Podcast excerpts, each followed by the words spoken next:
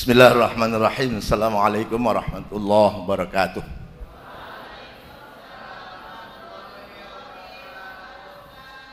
Alhamdulillah. Salatu wassalamu ala Rasulillah. Rabbi syrah li sadri wa yassir li amri wa hlul 'uqdatam min lisani yafqahu qawli amma ba'd. Yang kami hormati dan kami banggakan Kenapa saya sebut kami banggakan?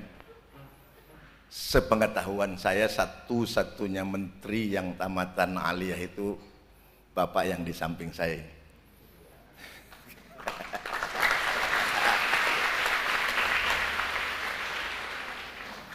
Tetapi sukses. Dengan kata lain, kalaupun kamu ada di pondok pesantren yang identik dengan religius keagamaan, Jangan kemudian merasa kecil karena tidak berada pada sekolah-sekolah unggulan seperti di luar. Sebab seorang tamatan aliyah saja bisa menjadi menteri apabila ada kemauan. Idza sadaqal asmu wa Untuk itu mari kita dengarkan petuah beliau bagaimana bisa menjadi sukses dengan keadaan yang luar biasa pada saat itu karena saya juga nonton Pak di Kick Andy. Jadi konsep sarung itu sama Pak dengan di Banten. Fungsinya begitu luar biasa. Selamat datang Bapak di Pondok Pesantren Dada Kolam dengan tiga program. Program Sanawiyah Aliyah, program SMP SMA unggulan dan program extension SMA saja. Mudah-mudahan Bapak sambil pulang berkenan melihat karena di Program excellent atau extension itu masih dalam tahap uh, penyelesaian pembangunan untuk seribu santri. Di sini ada 1200 santri. Anak-anakku yang saya cintai juga selamat datang sebab hari ini hari kedua untuk kalian di pesantren ini. Mudah-mudahan ini juga menjadi sebuah keindahan di awal tahun ajaran 2012-2013 kita kedatangan seorang menteri yang punya dedikasi yang luar biasa sehingga kadang-kadang kelihatan sebuah sensasi tapi indah dan nikmat kita mendengarnya. Hari ini beliau ada di tengah-tengah kita tapi waktunya pendek namun kita manfaatkan semua ini dengan sebaik-baiknya pula. Terima kasih Bapak atas kedatangannya di pesantren ini. Kami mohon keikhlasannya. Sedikit saja mereka berikan pencerahan agar menjadi orang-orang yang sukses sesukses Bapak ke depan. Untuk itu kami persilahkan kepada Bapak. Bismillahirrahmanirrahim. Assalamualaikum warahmatullahi wabarakatuh.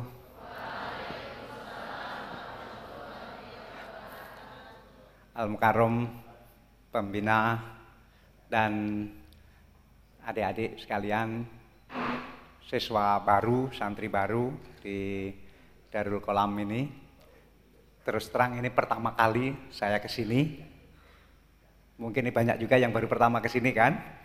Tadi waktu sembahyang subuh yang di sebelah saya saya tanya, ini kok kelihatan ganteng banget, ini dari mana ini? Gitu. Ternyata dari Palembang. Waktu ibtidaiyahnya di mana? Di Palembang. Jadi saya agak kaget. Uh, ada santri dari Palembang juga uh, datang di sini. Mana tadi yang dari Palembang? Ah, berdiri, ya, hebat. Hmm. Nanti bisa bahasa Jawa ya di sini. Ini yang dari Sumatera angkat tangan. Putra putri. Oh, hebat. Ya. Jadi jauh-jauh. Hmm. Ini banyak belum kenal ya, salah satu karena baru dua hari di sini. Oh tahun kedua. Oh dua hari di sini pada tahun kedua. Jadi saya baru sekali ini saya sampai di sini. Saya kaget tadi waktu masuk, uh besar sekali pesantren ini. Jauh lebih besar dari yang saya perkirakan. Bahkan setelah lihat marketnya, setelah lihat denah e, pembangunan pesantren ini, ternyata tanahnya 30 hektar. Ini pesantren pertama yang saya datangi yang besarnya sampai 30 hektar. Ya. Luar biasa. Dan juga saya lihat serba teratur, serba disiplin. Saya tadi waktu sembahyang subuh habis sholat, saya lihat ada kakak-kakak dari santri kelas 6 yang keliling mendisiplinkan adik-adik semua. Wah itu saya terkesan sekali. Terkesan sekali karena tanggung jawab itu tanggung jawab itu menjadi tanggung jawab bersama ya. Saya jadi teringat waktu saya dulu di Sanawiyah dan di Aliyah juga begitu. Dan yang saya lihat tadi bahwa berarti teman-teman yang sudah lebih dewasa, yang kelas 3 atau kelas 6 sudah diberi tanggung jawab untuk membina adik-adik dan itu latihan tanggung jawab yang penting. Karena melibatkan santri untuk mulai ikut bertanggung jawab itu juga penting. Karena pada akhirnya hidup ini penuh dengan tanggung jawab. Ada sesuatu yang harus dipertanggungjawabkan. Saya melihat tadi satu kedisiplinan yang nah, sangat tinggi, apalagi yang berkumpul di sini adalah teman-teman yang dari kelas unggulan. Saya tidak tahu lagi ini betapa besar otak masing-masing di sini ini. Ya. ini otaknya besar-besar semua. Ya. Nah, memang sebetulnya teori otak itu jangan seperti teori sepeda. Sepeda itu kalau sering digunakan akan rusak. Kalau otak itu tidak begitu. Otak itu semakin sering digunakan, dia semakin cerdas dia. Itu otak. Jadi, aduh ini pelajarannya kok banyak banget. Ada pelajaran bahasa Inggris, bahasa Arab dan seluruhnya. Ini kuat nggak otak ini? Siapa yang merasa otaknya tidak kuat? Nampung. ini kuat nggak otak ini nanti? Kok pelajarannya banyak banget gitu. Nah, otak tidak begitu. Otak itu semakin sering digunakan, dia semakin cerdas. Semakin tidak dipakai, semakin dia kurang cerdasnya. Jadi nggak usah khawatir pelajaran yang banyak itu akan membuat otak jenuh. Tidak, tidak seperti itu. Memang ada kecenderungan di dunia pendidikan semakin sedikit mata pelajaran itu semakin baik.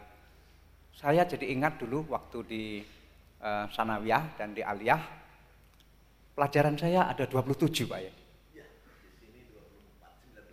24. Kalau di uh, tempat lain ada yang pelajarannya cuma 12, 13. Bayangkan hadis saja ada hadis, ada mustalah hadis.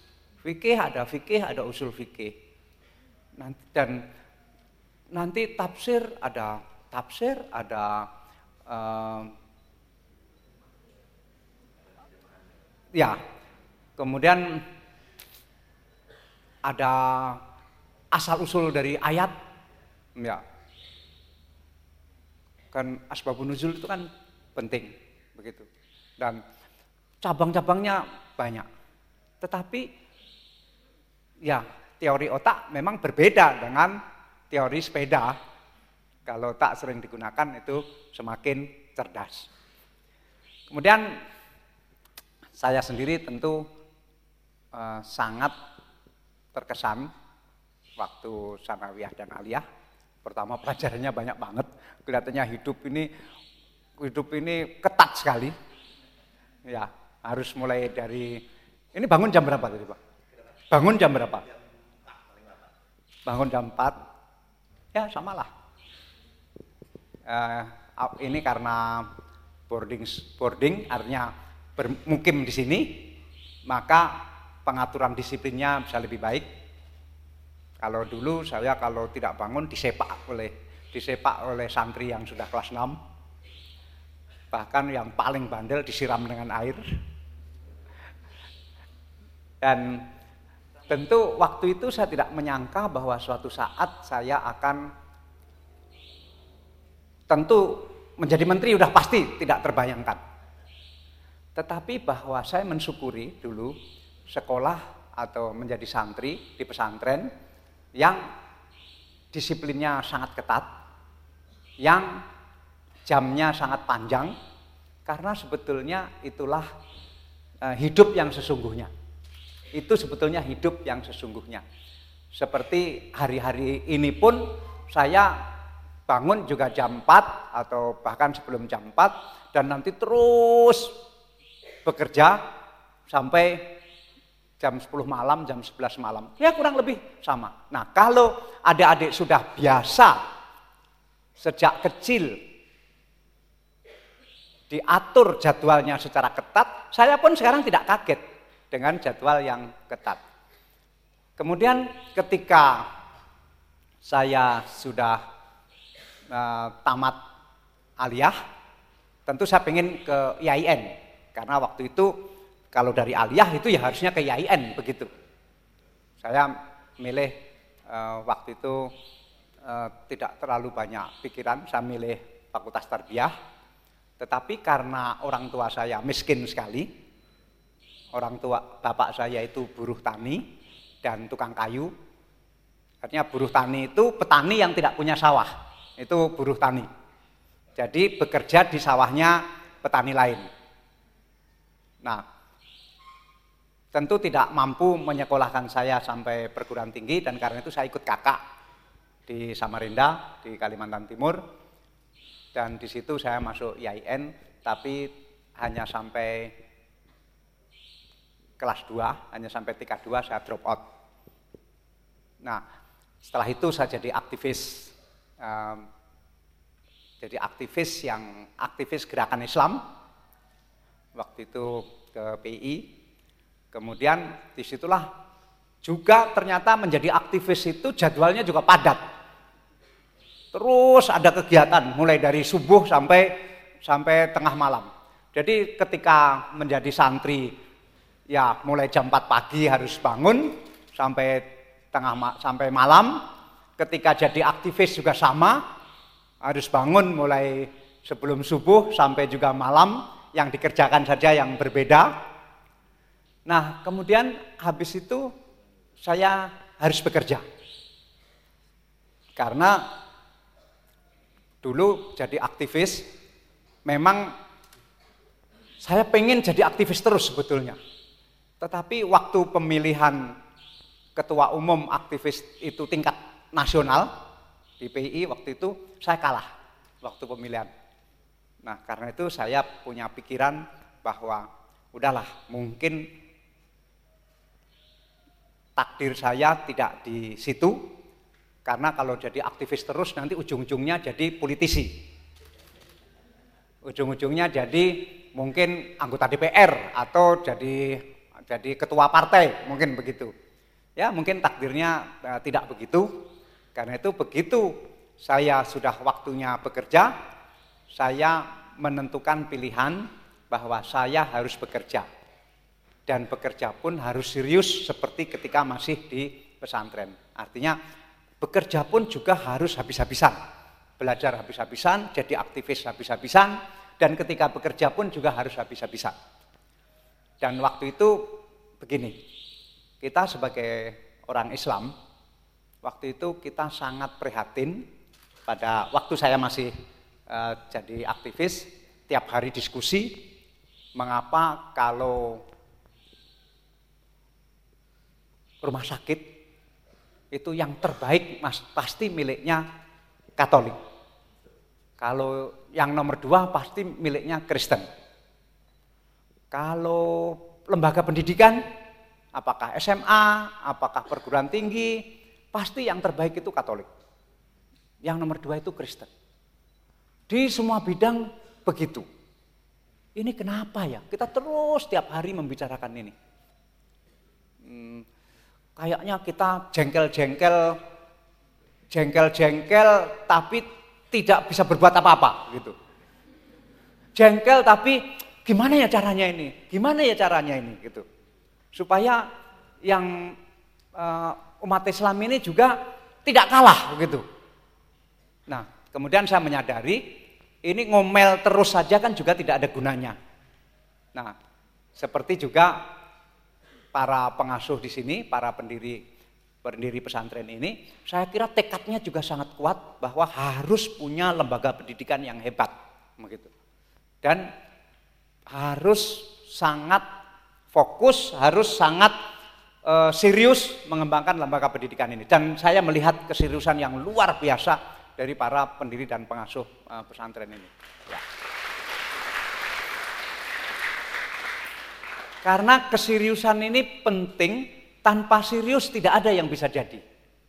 Dan ini kan menyangkut nasib begitu banyak uh, santri. Bayangkan kalau pengasuhnya di sini nggak serius, terus santrinya pulang dari sini bodoh semua misalnya. Oh, terus gimana ya begitu? Jadi anda uh, adik-adik semua sangat beruntung karena memilih sekolah atau dipilihkan dipilihkan oleh orang tua sekolah di lembaga pendidikan seperti Darul Kolam yang para pengasuhnya sangat serius untuk membina lembaga pendidikan ini. Ini alhamdulillah. Nah, saya pun begitu. Tetapi saya kan bukan dokter, saya nggak bisa bikin rumah sakit yang yang bisa mengalahkan rumah sakitnya uh, Katolik atau Kristen. Saya kan bukan uh, ahli pendidikan, saya tidak bisa membuat sekolahan yang yang melebihi sekolahannya Kristen dan Katolik.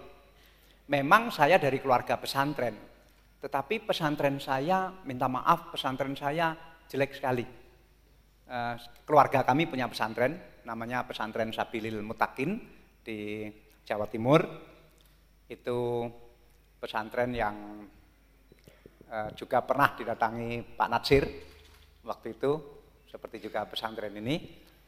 Tetapi pesantren kami itu nasibnya kurang baik karena kiai-kiai kami itu semua dibunuh oleh PKI, oleh komunis pada waktu peristiwa Madiun.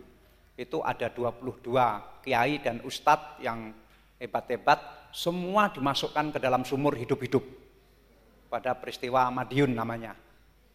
Nah, karena itu waktu 65 ketika terjadi peristiwa Gestapo, umat Islam di sana juga menghabisi komunis waktu itu. Nah, tetapi ya, pesantren kami habis itu, kiai utamanya e, dimasukkan sumur, kiai tafsirnya dimasukkan sumur, e, kiai hadis dan mustalah hadis dimasukkan sumur, kiai fikih dan usul fikih dimasukkan sumur. Ada 22 orang hidup-hidup dimasukkan sumur. Nah, setelah itu pesantren kami redup karena betul-betul waktu itu kita punya pesantren kami punya ustadz bahkan dari Mesir. Karena pengen juga menjadi lembaga pendidikan yang bagus seperti ini, seperti di Darul Kolam ini. Tetapi sejak peristiwa itu ya habis pesantren kami tinggal ya ada sanawiyah, ada ada ibtidaiyah, ada sanawiyah, ada aliyah, tetapi mutunya kemudian e, merosot karena kehilangan seluruh kiai dan seluruh pengasuhnya. Nah, si, dan saya tidak punya kemampuan waktu itu untuk memikirkan bagaimana ya bikin uh, pesantren yang yang bagus. Saya terus terang waktu itu tidak punya kemampuan untuk itu.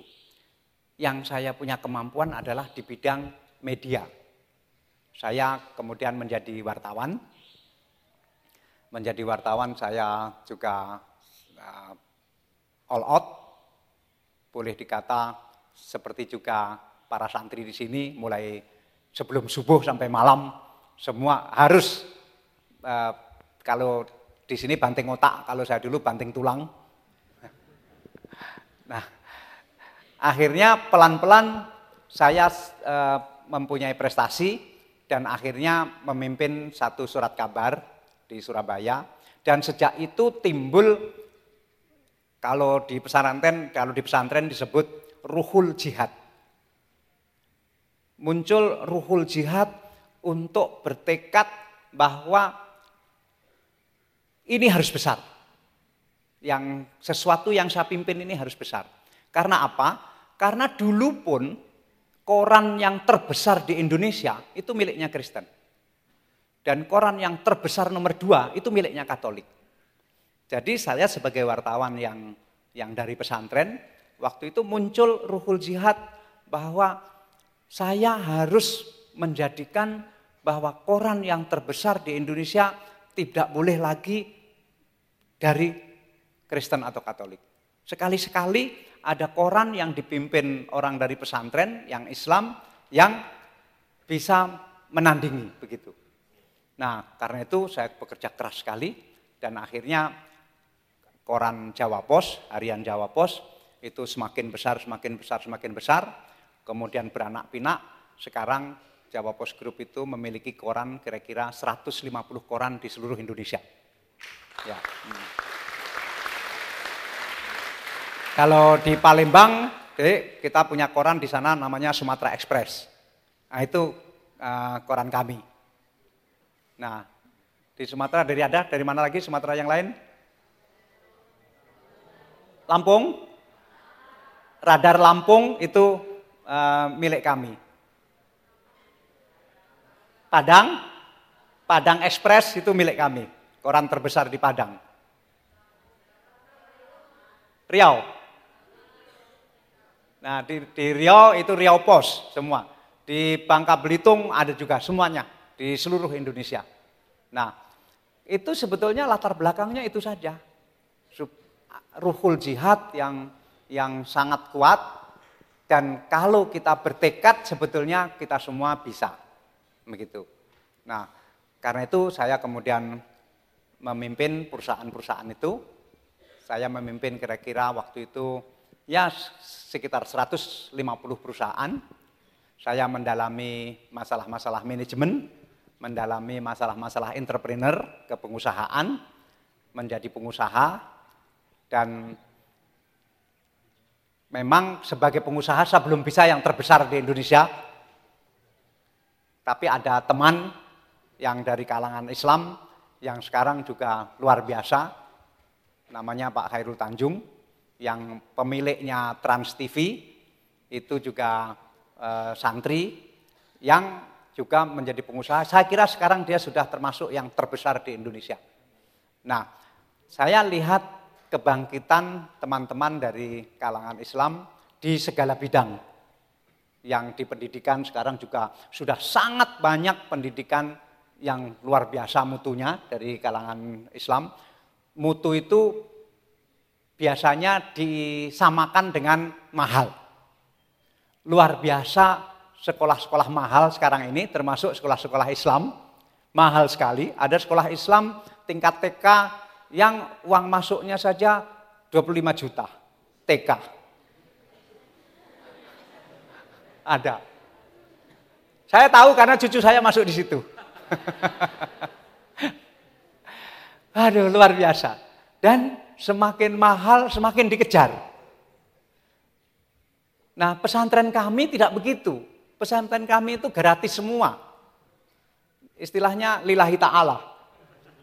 Akhirnya saya juga berpikir, kalau begini terus nanti, yang gratis-gratis masuk pesantren kami, yang berarti itu dari yang miskin-miskin semua, yang kaya-kaya tidak mau masuk pesantren kami, masuk pesantrennya tempat lain dan akhirnya pesan itu tambah besar tambah besar sehingga apa betul ya konsep lillahi ta'ala ini gitu. Tapi di sini kok bisa menggabungkan dengan hebat ya. Lillahi ta'alanya ada, tetapi mutunya juga bisa luar biasa. Ini nanti saya mau belajar benar ke sini. Ya, mau belajar. Memang banyak sekarang sekolah Islam yang hebat-hebat. Tapi mahalnya ampun-ampun. Sudah nggak bisa lah uh, kalau orang miskin masuk masuk di situ meskipun pinter sekali. Sudah nggak bisa. Nah di sini kok bisa ya? Saya betul-betul harus belajar karena begini. Sekarang setelah saya bukan sekarang, sejak lima tahun yang lalu, saya bertekad untuk kembali ngurus madrasah kami. Nah, karena sudah 30 tahun saya tidak pernah ngurus madrasah kami. Yang ngurus sepupu-sepupu kami. Dan, oke, okay, waktunya. Masih. Yang ngurus sepupu-sepupu kami, waktu itu saya bekerja terus tadi itu, pengen mewujudkan sesuatu yang terbaik di Indonesia, yang tidak lagi dari Kristen atau dari Katolik begitu, tapi ada yang harus dikorbankan memang. Saya tidak tidak punya waktu lagi ikut mengurus pesantren. Tetapi saya pikir-pikir kalau waktu itu saya ngurus pesantren, mungkin juga tidak mampu membuat yang terbaik, begitu. Karena e, beda latar belakangnya. Nah, setelah saya punya 150 perusahaan, sudah relatif punya uang, punya pengetahuan manajemen, punya dipercaya orang. Nah, saya sakit. Saya sakit yang sangat keras. Saya sakit eh, hati, sakit hati beneran. Bukan sakit hati, oh saya sakit hati, bukan begitu. Hati saya kena penyakit. Penyakit kanker yang sangat membahayakan. Kemudian saya muntah darah. Untungnya tidak meninggal waktu itu dan hati saya sudah tidak tertolong lagi karena sudah rusak. Dokter mengatakan saya akan meninggal dalam waktu enam bulan setelah muntah darah itu. Kemudian saya cari ikhtiar karena ikhtiar itu juga wajib. Agama mewajibkan ikhtiar. Saya mencari terjawab ke seluruh dunia. Saya menghubungi ahli-ahli seluruh dunia. Akhirnya dicarikan jalan keluar bahwa agar saya tidak meninggal dalam waktu enam bulan, maka hati saya harus diganti. Karena sudah betul-betul sudah rusak. Karena itu saya dibawa ke satu rumah sakit di luar negeri menunggu orang meninggal dunia. Yang hatinya bisa di ambil dan dipasang di badan saya. Nah, itu lima tahun yang lalu. Setelah nunggu-nunggu-nunggu-nunggu, hampir enam bulan, akhirnya ada orang meninggal dunia. Tentu yang meninggal dunia banyak, tapi belum tentu hatinya cocok dengan badan saya, belum tentu hatinya bisa dipasang di badan saya. Tapi setelah nunggu-nunggu-nunggu, akhirnya ada anak muda tiba-tiba meninggal dunia, umurnya baru 21 tahun. Eh, kemudian begitu Diperiksa hatinya belum meninggal dan masih sangat baik. Segera dimasukkan di ruang operasi, saya dimasukkan ke ruang operasi, kemudian dada saya dibelah, eh, hati saya yang yang ada itu diambil, dikeluarkan dan sangat rusak memang sudah hati bentuknya tuh, sudah tidak seperti hati lagi, warnanya sudah hitam dan penuh dengan kanker. Nah, kemudian hati anak muda yang umur 21 tahun itu diambil, kemudian dipasangkan di badan saya. Nah, alhamdulillah cocok. Besok paginya saya membuka mata karena waktu dipasang itu saya dimatikan selama 13 jam. Nah, besok paginya saya membuka mata, alhamdulillah saya hidup. Tentu belum tentu hidup terus. Karena ada virus, ada ada penolakan, bisa saja mendadak juga mati karena nggak cocok, tiba-tiba tidak cocok. Nah, alhamdulillah sampai hari ini cocok dan sudah menyatu dan waktu saya sembuh dari luar negeri, saya bertekad untuk tidak mau lagi cari uang, saya tidak mau lagi mengurus perusahaan, perusahaan-perusahaan saya serahkan kepada anak saya, dan saya bertekad mengurus pesantren. Nah, beda dengan dulu. Kalau dulu saya ngurus pesantren mungkin saya nggak punya pengetahuan. Tapi setelah eh, setelah saya jadi pengusaha yang cukup berhasil, saya punya pengetahuan. Akhirnya uh, waktu itu saya ngurus kembali pesantren keluarga dan mendirikan uh, inter, uh, Islamic International School di pesantren kami. Kira-kira unggulan begini. Tapi baru mulai tiga tahun yang lalu, jadi belum uh, belum ada yang tamat uh, SMA, belum ada yang tamat aliyah, karena baru mulainya dari SD. Sehingga saya akan kirim tim Pak ke sini minta maaf saya akan kirim tim ke sini dari pesantren kami untuk belajar di sini karena kami juga tidak mau mahal di sana. Jadi karena kalau semua mahal terus bagaimana yang yang miskin-miskin? Saya uh, akan kirim ke sini belajar bagaimana mengkombinasikan antara uh, bagaimana tidak mahal tetapi mutu tetap bagus dan mutunya bisa seperti uh, Darul Kolam ini. Saya kira begitu adik-adik sekalian. Saya memang Menteri BUMN, tetapi ya tetap saja saya tidak ingin hmm, hilang silaturahmi antar pesantren. Saya anggap saja saya bukan menteri, anggap saja ini sesama uh, dari pesantren kita ketemu. Memang saya juga heran kok saya jadi menteri ya begitu. Ya, waktu saya diminta jadi menteri saya tidak mau. Karena saya sampai menangis. Enggak usah lah, saya enggak usah jadi menteri karena um, saya ada tanggung jawab. Waktu itu saya direktur utama PLN, saya punya tanggung jawab yang berat untuk memperbaiki listrik. Tetapi ya karena presiden minta saya jadi menteri, akhirnya saya tidak bisa menolak. Ya samikna wa atokna, saya jadi menteri dan menterinya ini kok menteri sulit banget gitu. Menteri Badan Usaha milik negara yang itu ngurusi perusahaan-perusahaan, total jumlahnya kira-kira 500 perusahaan yang harus saya urus sekarang. Bukan milik saya, miliknya negara, yang total kekayaannya itu 3000 triliun. Wow, jadi saya harus ngurus perusahaan 3000 triliun rupiah yang harus amanah, yang harus maju semua, yang harus berprestasi, yang akhirnya dulu waktu jadi santri sebelum subuh sudah bangun dan baru tidur menjelang tengah malam. Sekarang setelah punya uang pun, setelah semuanya ada, juga nggak bisa menikmati istirahat, juga harus bekerja sejak sebelum subuh sampai malam juga. Eh, sudah takdirnya begitu.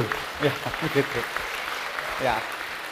Saya kira begitu. Mudah-mudahan nanti ada dari aliyah di sini, SMA di sini yang juga sangat berprestasi dan kemudian bisa menjadi apa pun termasuk menjadi menteri. Dan kalau jadi menteri agama biasalah dari pesantren jadi menteri agama. Biasa. Ini menteri badan usaha milik negara yang harus ngurusi 500 perusahaan yang kekayaannya 3000 triliun. Mudah-mudahan amanah, mudah-mudahan saya bisa mengemban amanat ini dan saya berjanji tidak akan memalukan pesantren. Tidak akan memalukan pesantren ini, nanti diejek orang. Iya mana bisa maju, menterinya aja dari pesantren gitu. Ah saya tidak mau omongan itu. ya. Karena itu saya akan kerja keras dan saya akan memajukan apa yang eh, menjadi tanggung jawab saya ini agar nama pesantren tidak jatuh, agar nama pesantren tetap harum dan siapa pun yang dari pesantren dapat peluang untuk maju. Nah, misalnya saya nanti sangat berhasil, orang tidak takut lagi memilih orang dari pesantren untuk jabatan apa pun, begitu. Itu lihat Pak Dahlan, menjadi direktur utama perusahaan listrik negara bisa. Padahal waktu di Aliyah tidak pernah diajari listrik, begitu. Ya, Tapi itu persoalan itu bisa jadi menteri. Karena itu doakan saya berhasil, dan harus berhasil. Supaya nanti siapa pun orang dari pesantren bisa memimpin apa pun termasuk memimpin perusahaan listrik yang begitu sulit, memimpin perusahaan kapal terbang dan seterusnya. Assalamualaikum warahmatullahi wabarakatuh. Ada percaya diri bahwa kita diberikan kesempatan yang sama oleh Allah. Permasalahannya siapa yang mau mengambil dan berprestasi pada kesempatan itu. Yang kedua latar belakang kehidupan kita dahulu jangan menjadikan permasalahan untuk menjadi halangan kita maju. Karena kita boleh melihat ke, ke belakang tetapi justru untuk menatap ke depan. Dan yang ketiga manjada wajada idza sadaqal azmu wadhahas sabil mansaro ala darbi wasala. Hafal semua Bapak Menteri kita ini. Karena itu anak-anakku kita doakan beliau semoga lebih sukses. Kalau perlu orang yang sukses ini menjadi pemimpin nasional ke depan. Hadanallahu wa iyyakum ajma'in. Bapak Menteri kami mohon uh, sebentar sambil pulang melihat Dar El Qalam 3 dan kita juga ingin menjadi sukses seperti Bapak walaupun Dar El Qalam ini baru ada tiga dan satu dengan Latansa. Itu bagian daripada darah kelam. Yang mudah-mudahan ini semua menjadi jariah kita bersama. Kebahagiaan Bapak ada pada kesuksesan perusahaan-perusahaan yang dipimpin atau lembaga yang dipimpin oleh Bapak. Banyak sekali orang yang menghajatkan dan membutuhkan orang-orang seperti Bapak. Mudah-mudahan Allah memberikan kekuatan lahir dan batin untuk beliau terutama dan untuk kita semua. Allahumma binurika ihtadaina wa bifadlika istaghnaina وبك أصبحنا وأمسينا ذنوبنا بين يديك ونستغفرك ونتوب إليك. اللهم اجعل لنا برهانا يورثنا أمانا وأنسنا بك على كل مطلوب وأصحبنا بعون عنايتك في نيل كل مرغوب. يا قريب يا جليل يا قاهر يا عظيم يا ناصر انصرنا يا الله يا خير الناصرين تقبل منا يا الله واستجب دعاءنا ربنا آتنا في الدنيا حسنة وفي الآخرة حسنة وقنا عذاب النار وصلى الله على سيدنا محمد وعلى آله وأصحابه أجمعين Walhamdulillahi Rabbil Alamin. Assalamualaikum warahmatullahi wabarakatuh.